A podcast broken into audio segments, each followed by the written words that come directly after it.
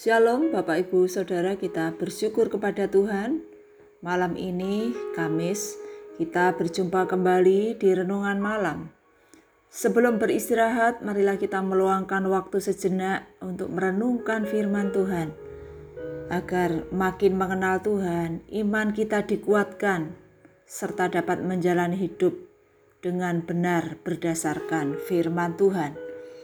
Sebelumnya, mari kita berdoa. Bapa yang di surga kami bersyukur untuk kebaikan Tuhan yang tidak pernah berubah dalam kehidupan kami. Penyertaan Tuhan yang kami rasakan sepanjang hari ini.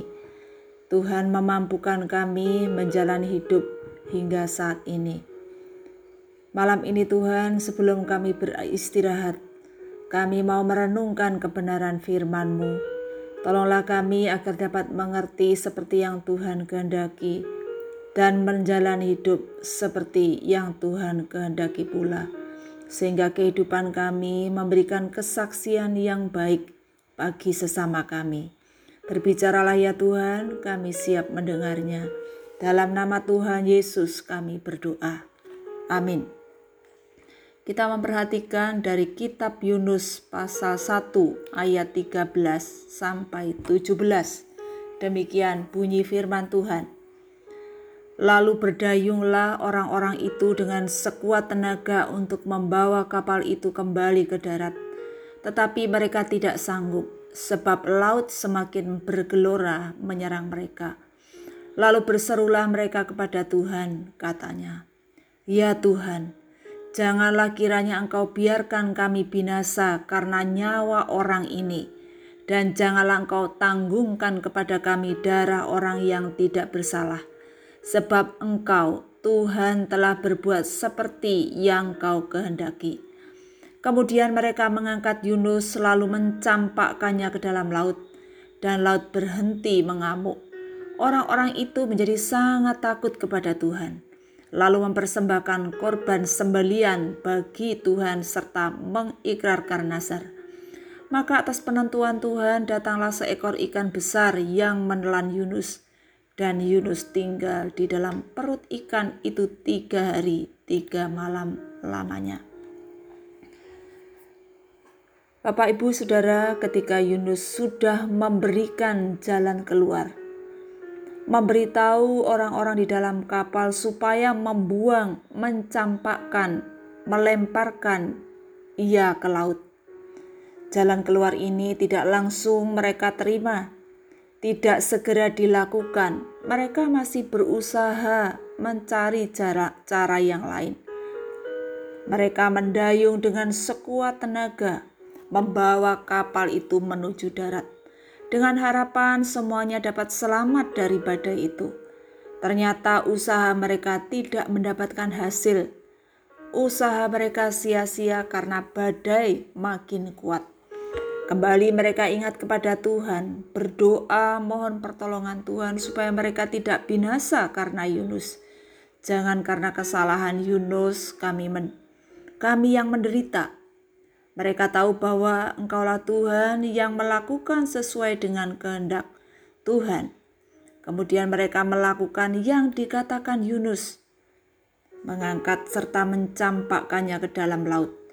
Lalu seketika itu badai berhenti, laut menjadi tenang. Setelah melihat peristiwa itu, orang-orang menjadi sangat takut kepada Tuhan. Mereka menghormati Tuhan, kemudian mempersembahkan korban kepada Tuhan, dan bernasar, berjanji kepada Tuhan. Walaupun Yunus sudah melarikan diri dari Tuhan, menolak melaksanakan perintahnya, Tuhan tetap mengasihinya masih memberinya kesempatan untuk hidup. Bukan kebetulan ketika Yunus dilempar ke laut, kemudian datang seekor ikan besar yang menelannya. Tetapi peristiwa ini terjadi atas penentuan Tuhan, atas kehendaknya. Tuhan memakai mengirimkan ikan besar yang menelan Yunus untuk menyelamatkannya dari kematian atas penentuan Tuhan pula selama tiga hari tiga malam. Yunus tetap hidup berada di dalam perut ikan. Marilah kita merenungkan dalam hidup ini bahwa apa pun yang terjadi dalam hidup kita pun juga Tuhan yang menentukan, menetapkan. Tuhanlah yang memelihara umatnya dengan caranya agar kita mengetahui bahwa Tuhan mengasihi.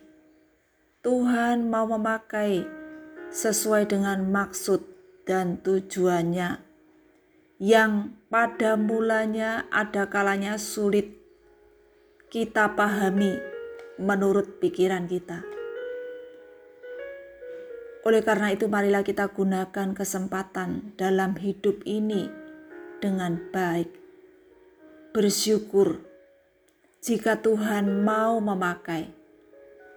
Yakinlah bahwa Tuhan akan menolong kita melaksanakan rencananya, dan tidak ada seorang pun yang dapat menggagalkan rencananya. Apakah kita peka dengan setiap peristiwa yang kita alami?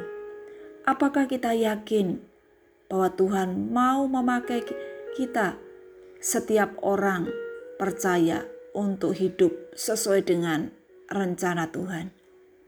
Apakah kita mengetahui rencana Tuhan dalam hidup kita masing-masing? Tuhan menolong kita untuk hidup sesuai dengan yang dikehendakinya. Mari kita berdoa. Bapa yang di surga, pakailah hidup kami sesuai dengan rencanamu. Tolonglah kami memiliki kepekaan dalam menghadapi, dalam mengalami setiap peristiwa dalam kehidupan kami masing-masing. Mampukanlah kami memiliki pemahaman yang benar dalam menghadapi realita hidup.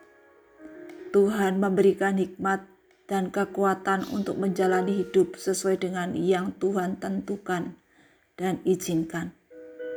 Mampukanlah kami dapat menggunakan kesempatan dengan baik dan benar. Kami juga mau menyerahkan istirahat kami kepada Tuhan Yesus, yang kami percaya sudah memelihara hidup kami hingga saat ini dan senantiasa akan memelihara hidup kami selama-lamanya. Kami percaya dengan kasih dan kebaikan-Mu ya Tuhan. Tuhan akan berkenan membangunkan kami esok hari dengan tubuh yang sehat untuk menjalani hidup sesuai dengan yang Tuhan tetapkan untuk kami jalani. Terpujilah namamu ya Tuhan. Dalam nama Tuhan Yesus kami berdoa dan bersyukur. Amin. Bapak Ibu sekalian, selamat malam, selamat beristirahat. Tuhan memelihara kita masing-masing. Amin.